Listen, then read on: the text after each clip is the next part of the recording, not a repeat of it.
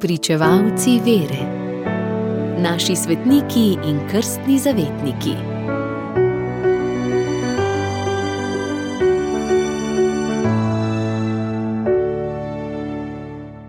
Danes zgoduje sveti Janez od Križa, crkveni učitelj iz 16. stoletja.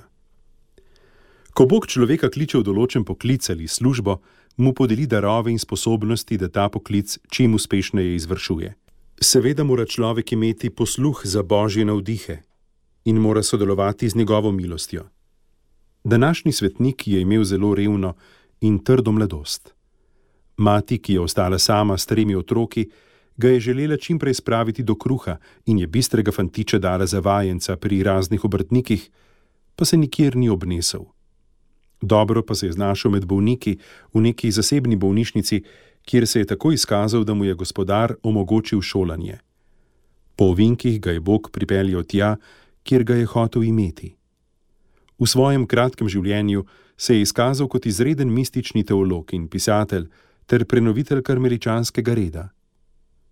Rodil se je leta 1542 v španski pokrajini Kastilja.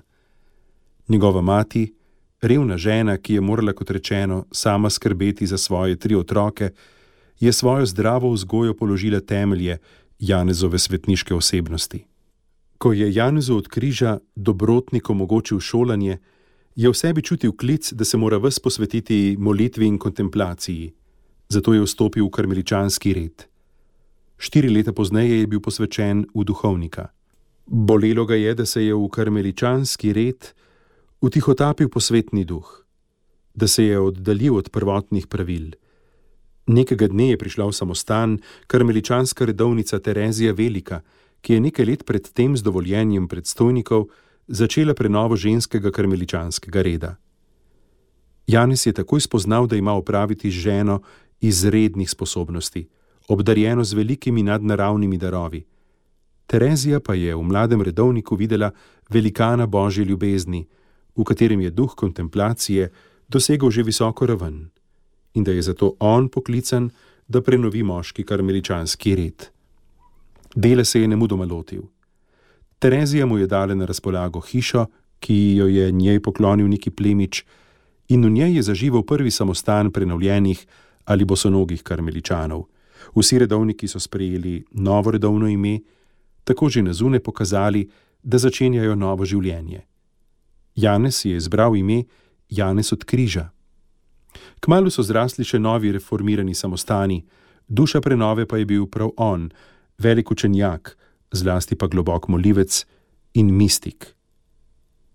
Mir je ohranil celo takrat, ko je doživljal strašno notranje trpljenje, ki ga je na to opisal v knjigi Temna noč duše. V življenju je veliko pretrpel in trpljenje je bilo zanj vir luči in moči. Kdor hoče najti Boga, se mora odločno umakniti od vseh reči in vstopiti v veliko zbranost svoje notranjosti, je zapisal današnji godovnjak sveti Janez od Križa. Radio Ognišče, vaš duhovni sopotnik.